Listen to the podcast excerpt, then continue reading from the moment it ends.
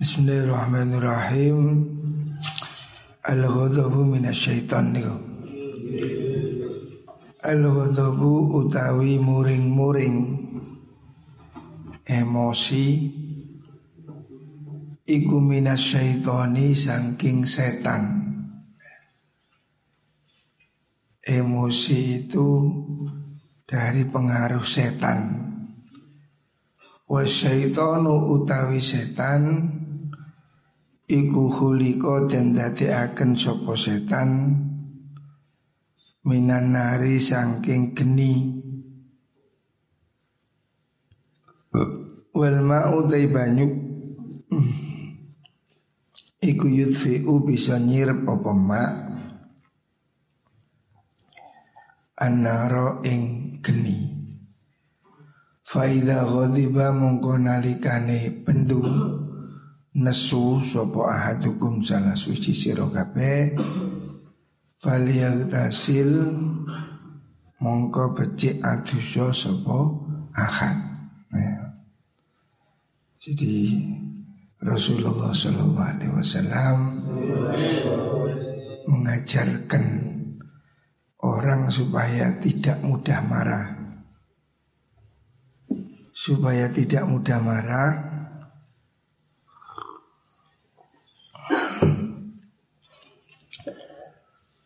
itu supaya wudhu sebab emosi itu dari setan ya. makanya orang kalau kudu nesu hendaknya dia itu berusaha wudhu ya. duduk wudhu ya kalau perlu tidur ya, Jangan nuruti emosi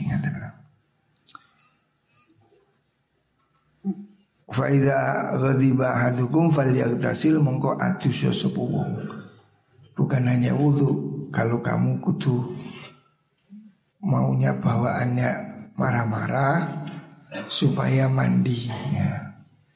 Mandi artinya supaya dingin setane cek nyingkri Jadi supaya orang ini tidak mudah terpancing emosi Jadi supaya disadari emosi itu dari setan. Lah supaya tidak banyak emosi Berusahalah mandi. Kalau mau marah mandi ya. Jangan dituruti. Hadis yang lain ada yang mengatakan wudhu ya. Jadi bisa jadi dengan wudhu atau dengan cara mandi untuk meredakan emosinya. Selanjutnya al-wudu warwahu fi ta'allulil ilmi afdalu indallahi minal jihad fi sabilillah. Al-wudu taibu dalan isu warawahulan budalan sore fi ta'allumi indal fi ta'allumil ilmi ing dalam golek ilmu iku luwih utama indallahi munggu Allah minal jihadi timbang jihad fi sabilillah. Jadi mencari ilmu itu pahalanya tidak kalah dengan jihad fi sabilillah. Jadi kamu ngaji di pondok atau di mana pun ya mencari ilmu, mengajarkan ilmu sama aja. Ya. Mengajarkan ilmu menjadi guru atau mengaji atau mengajar berangkat mengajarkan ilmu itu afdholu minal jihad fi sabilillah ya. Jadi harus ada orang yang mau jadi guru ya. Memang profesi guru Profesi kiai ini tidak banyak menjanjikan keuntungan Kendindi ngaji murah Tetapi jangan dilihat gajinya Kamu kalau bisa ada kesempatan mengajar, mengajarlah. Jangan pilih-pilih karena gaji. Sebab mengajar ini tugas kenabian. Nabi itu diutus sebagai guru. Orang-orang yang menjadi guru Para ustadz, para da'i Itu meneruskan tugasnya kanjeng Nabi. Makanya dia itu pahalanya afdol dibanding jihad fi sabilillah. Al-gharibu utawi wong kang ngomboro Orang yang bepergian.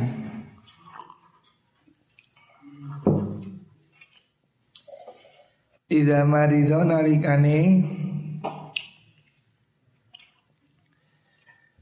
Ida marido nalikane loro sopo gharib. Fanadhara mongko ningali sopo gharib an yaminihi Sangking arah tengene gharib Wa an shimalihi lan sangking kiwane gharib Wa min amamihi lan sangking ngarepe gharib Wa min khalfihi lan sangking burini gharib Falam yaro Mongko ora ningali sapa gharib ahadan. Ing wong ya arifu kang kenal sapa man sapa ahad ing gharib Yakfiru mongko ngapura sapa Allah Allah. Lahu maring gharib ma ing perkara takut dama kang usti si apa ma. Min dambihi saking dosane mengkono gharib. Orang sakit yang dalam pepergian. Ya. Orang sakit dalam keadaan mengembara yang tidak ada yang menolong, tidak ada yang membantu. Itu pasti kesulitannya lebih tinggi, kesedihannya lebih besar. Makanya orang itu diampuni dosanya oleh Gusti Allah. Orang sakit saja diampuni dosa. Orang yang diberi cobaan penyakit, demam, flu, pilek, apalagi penyakit lain, itu semuanya bisa menghapuskan dosa. Kalau dia mau sabar. Al-ghillu utawi unek-unek Allah Ghillu. Wal hasadu lan hasud. Unek-unek Allah itu orang yang apa punya perasaan gak enak itu unek-unek Allah ya sama dengan hasud. Nah, mirip. Hasud itu kedengkian kebencian kepada kenikmatan orang lain. Iku yakulani mangan opo lelilu wal hasad. Al hasanati ing kira-kira kebagusan Kama tak kulu koyo oleh ngobong opo anaru geni Al hatoba ing kayu garing Orang yang punya hati hasud Itu kebaikannya hilang kebaikannya terbakar. Artinya dia berbuat baik itu pahalanya menjadi sia-sia. Kalau di hatinya masih ada sifat hasud. Makanya jangan ada sifat hasud. Hasud ini memakan kebaikan. Biasakan orang punya hati yang jembar hati yang senang dengan kebaikan orang lain. Karena kalau orang ini punya sifat hasut, penuh kedengkian, nggak senang lihat orang lain senang, nggak senang melihat ada nikmat pada orang lain, nggak senang temannya bahagia, nggak senang tetangganya dapat rezeki, ya. Sifat iri dengki itu tidak ada gunanya.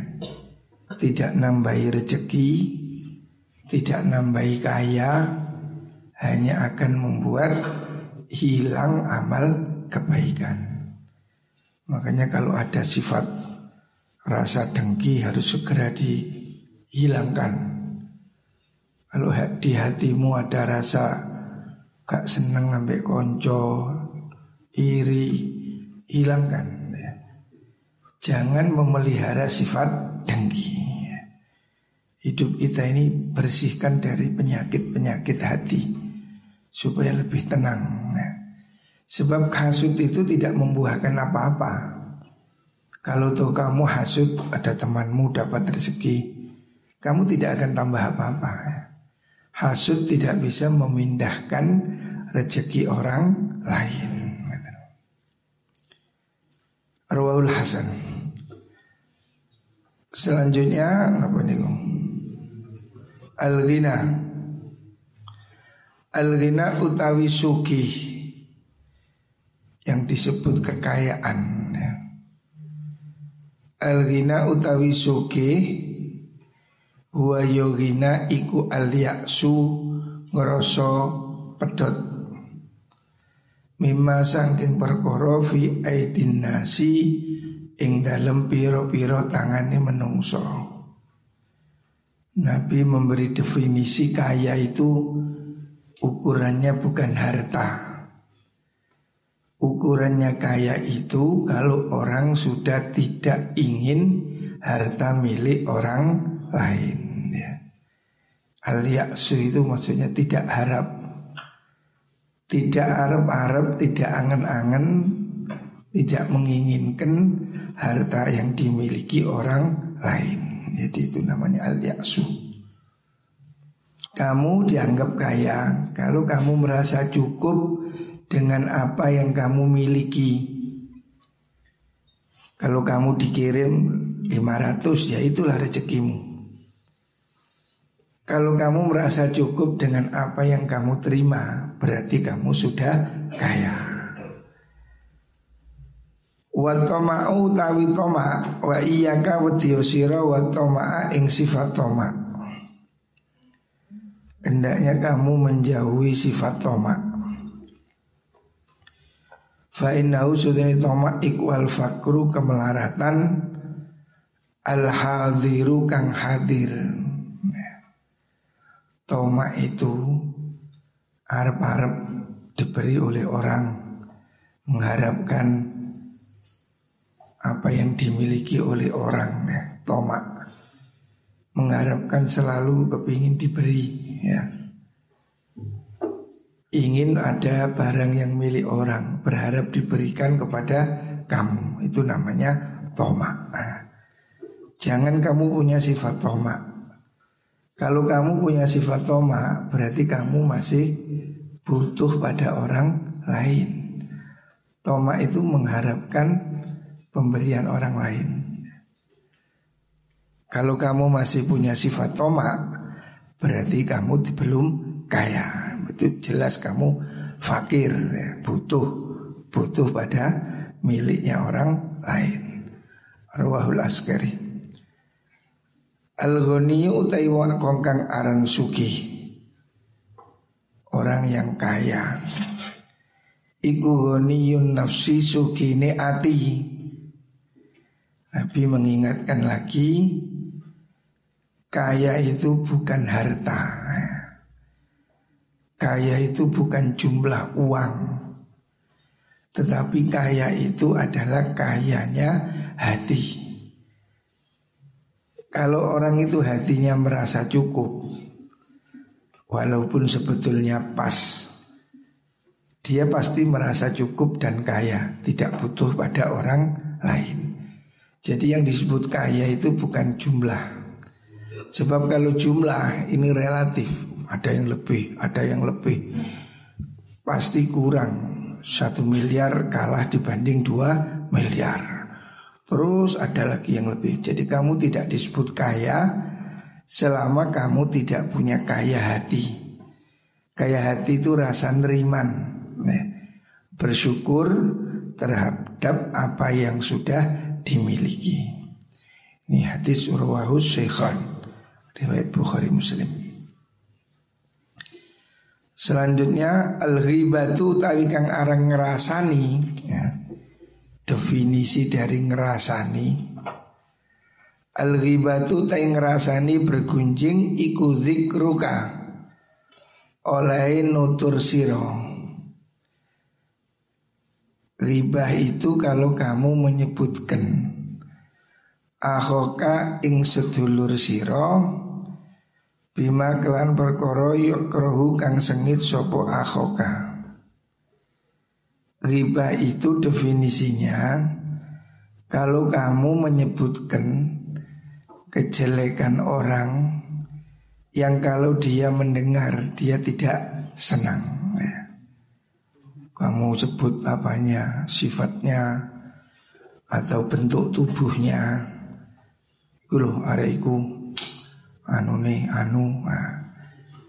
anu nih ke anu. Apanya, kelemahannya, apakah itu fisiknya atau sifatnya ataupun kejelekan yang lain. Pokoknya kalau kamu sebutkan dia, dia itu dengar dia nggak seneng. Itu namanya ngerasa nih. Kala dawu sapa julun lanang. Ada orang tanya, "Afaroita meruakan panjenengan atau atau afaroita atau meruakan panjenengan ing kula beritahu saya maksudnya afaroita itu maknanya tanya sebut kalau demikian katakan ingkana lamun ono iku fi akhi ing dalam sedulur irjung opo ma perkara aku luka ngucap ingsun. Maksudnya kalau seandainya yang saya omong itu benar, memang faktanya begitu. Umpamanya ngomong si anu, si aku itu sapa iku lho arek pendek iku lho. Arek sing koyo pendek koyo bebek iku lho. Ya jen pendek. Boleh nggak ngomongkan begitu? Faktanya memang pendek, diomong no pendek. Untuk anaknya itu memang ireng disebutkan iku lho arek iku lho wireng juru-juru ni wireng 100% ireng anjen yo ireng anjen wong tim-tim umpamane.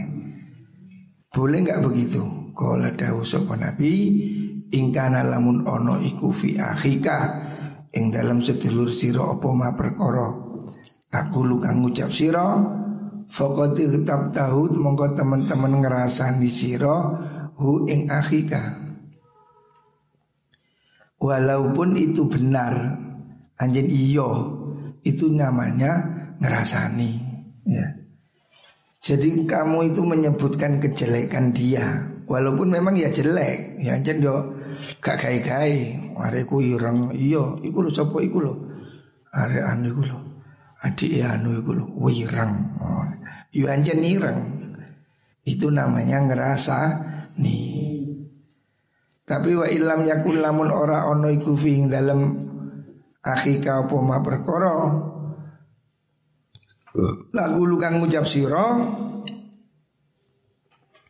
Fakot kodaf tahu mongko teman-teman dali hu ing akhika Kalau fakta itu namanya ngerasani Gunjing kalau bukan fakta itu namanya bohong. Dalih itu bohong. Jadi kalau kamu menyebut kejelekan temanmu, si Anu itu loh, apa sifatnya yang jelek.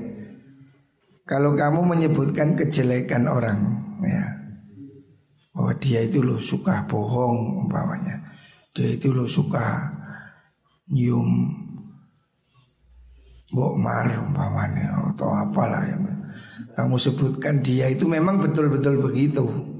Itu namanya ngerasani. Tapi kalau kamu bohong tidak begitu kamu sebut begitu itu namanya bohong. Jadi menyebutkan kejelekan orang itu tidak boleh walaupun memang fakta.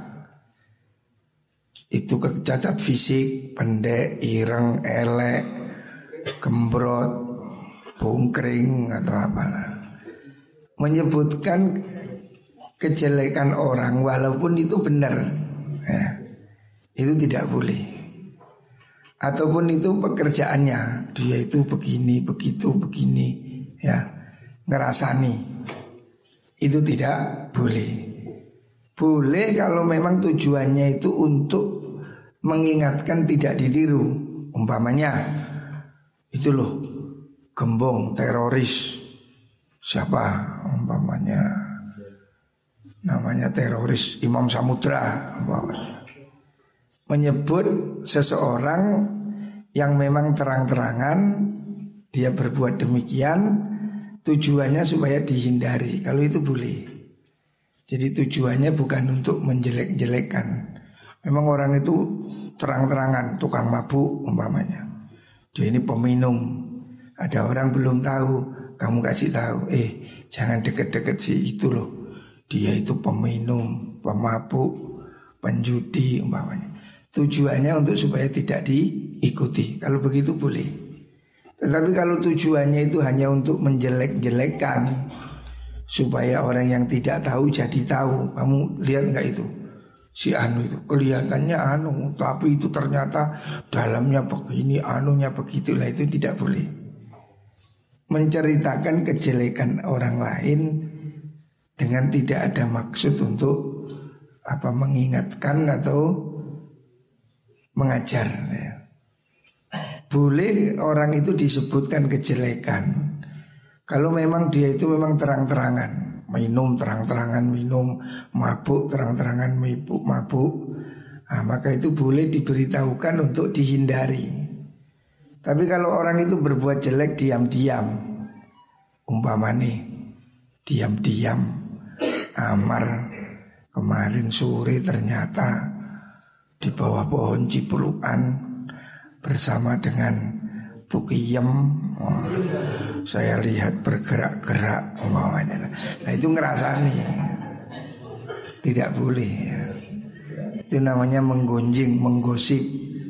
Jangan-jangan Amar itu ada main sama janda di sebelah. Oh, oh bisa? Iya kelihatan kemarin itu saya lihat kok senyum-senyum anu bawahnya lah. Itu namanya menggunjing ya. Ngerasani ya tak boleh. Kalau memang kamu tahu dia salah ingatkan deh jangan begitu ya, begitu. Jangan terus di kabar-kabarkan menjadi desas-desus. Kelihatannya saya kira jangan-jangan lah itu tidak boleh. Itu semua kan asumsi ya. Enggak penggunjing tidak boleh ya. Kalaupun itu benar, ya memang benar. Kamu tahu. Ya tidak perlu ditunjukkan pada orang lain. Kecuali memang tujuannya pendidikan. Seperti di pondok ini ada anak bolos, laporkan keamanan. Tujuannya untuk dicegah, nah, itu boleh. Kalau ada tujuan baik boleh. Tapi kalau tujuannya hanya untuk mempermalukan, itu tidak boleh. Al-ghiratu utawi cemburu iku minal imani sangking iman. Wal madza'u utawi pacaran. Nah, lagi pacaran, gendaan, sir-siran. Iku minan nifaki sangking penggawean munafik. Nah, Pacaran bagian dari pekerjaan munafik. Ya. pacaran ini kan mesti ada sembunyi-sembunyinya. Dilarang pacaran. Ya. Ora usah pacar-pacaran. Engkul waya rabi rabi rabi yo. Tidak perlu pacaran. Sebab pacaran ini ya bisa menimbulkan negatif-negatif ya. Karena pacaran ini kemudian banyak kasus asusila, kasus apa pelecehan seksual ya. Hati-hati ya. Ada saiki mas harus tambah nekat-nekat menges mengerikan nih. Pacaran anak sekarang enggak enggak seperti zaman dulu. Zaman saya dulu paling pacaran ini surat-suratan. Saiki wis wah bahaya dituruti ini pengaruh film ini sudah Anak SD aja sudah bisa memperkosa loh. Jadi sekarang ini sudah gak masuk akal. Anak SMP yang tidak perawan sudah banyak. Padahal si SMP si umbelen gitu. Jadi pergaulan ini membahayakan. Makanya Nabi melarang pacaran. Cemburu itu bagian dari iman. Maksudnya cemburu itu bukan hanya pada istri. Kamu punya adik perempuan digoda orang, kamu harus marah. Itu namanya cemburu. Adikmu wedok disuit-suiti, namun kepelaan. Hei, kamu harus belain adikmu jangan sampai digoda orang lain. Saudaramu Cemburu dalam artian menjaga perempuan ya, Cemburu Ini harus Apalagi istri Bujumu digonceng wong Jodoh lak lolo ae. Tempeling. Jangan biarkan apa istrimu diinjak-injak orang ataupun adikmu ataupun saudaramu ataupun yang lain ya. Harus itu namanya cemburu. Harus itu bagian dari iman.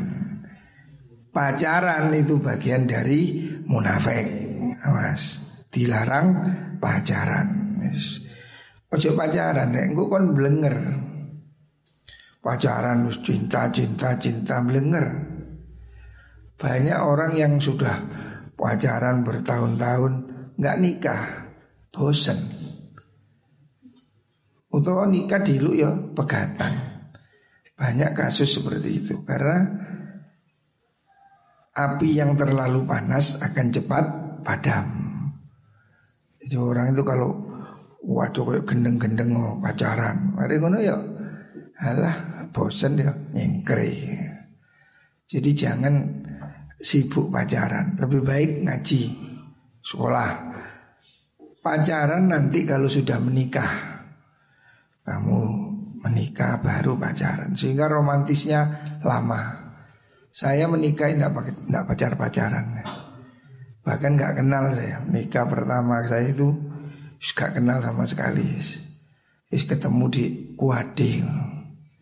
Justru di situ kemudian kita bisa apa? Memulai kenalan dan itu membuat bulan madunya lebih panjang. Tapi kalau kamu wis biasa, wis pacaran, wis goncengan, ya rapi ya wis wis anu wis biasa, wis gojangan, wis gak ndredeg gak apa ya. Gak gak ser-ser. Setrumnya sudah sudah biasa dikai kayak bater, wis biasa dikai wis gendip-gendip bisa. Tapi kalau baterai baru kan nyalanya strong. Makanya tidak perlu pacaran supaya kamu itu nanti semangat betul pengalaman pertama.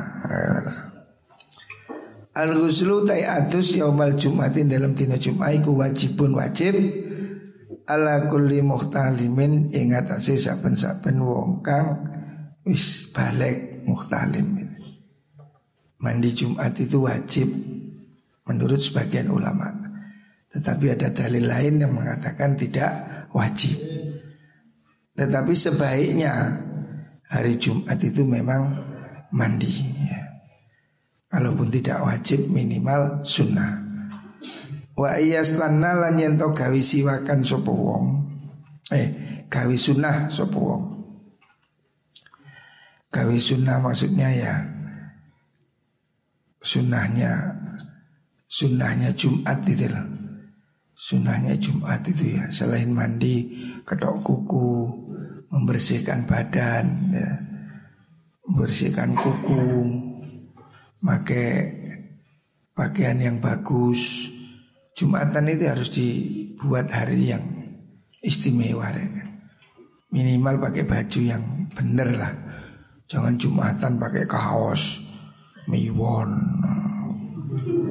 Pakai apa? Pakaian yang tidak berharga. Hendaknya minimal Jumatan itu kalau bisa ya bajunya putih, pakai kopiah, pakai wangi-wangi, mandi gitu loh. Jadi hari Jumat itu supaya istimewa. Wa ayya masalan yen tong gepok demek sepuh wong tiban ing wangen-wangen in wajada lamun nemu sepuh wong. Kalau ada minyak wangi ya sebaiknya pakai minyak wangi.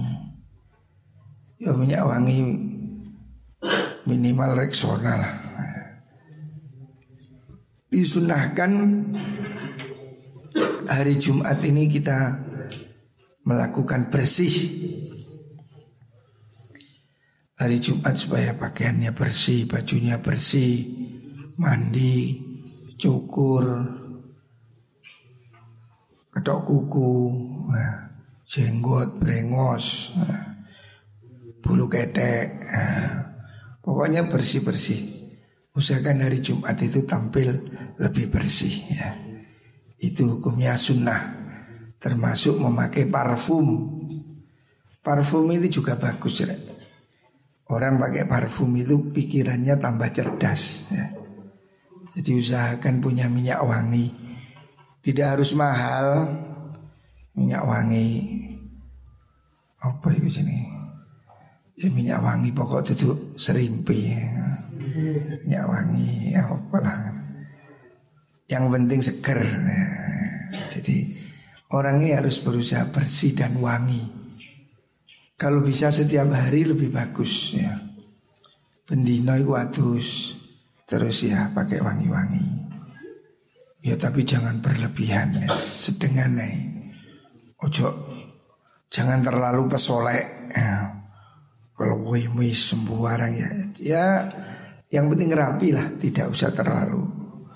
Yang penting bersih dan harum wangi. Minimal kalaupun tidak pakai minyak wangi ya sabun wangi lah. Sabun look sabun apa kan boy. Yang penting jangan kita ini mengganggu orang dengan bau badan. Orang ini kan kalau deket orang kecut ini pasti kan merasa nggak enak apa mana terus kewecut terus ke atus itu kan membuat orang ini munak-munak nah, bisa menimbulkan kemunek-munekan. Ya ukuran dewi nang awakmu dewi. Minimal kelekmu iku ambungan ngono cedoten titik ukuran jangan membiarkan orang lain terganggu dengan aroma tubuhmu. Wallah alam Muga-muga kabeh diparingi sehat.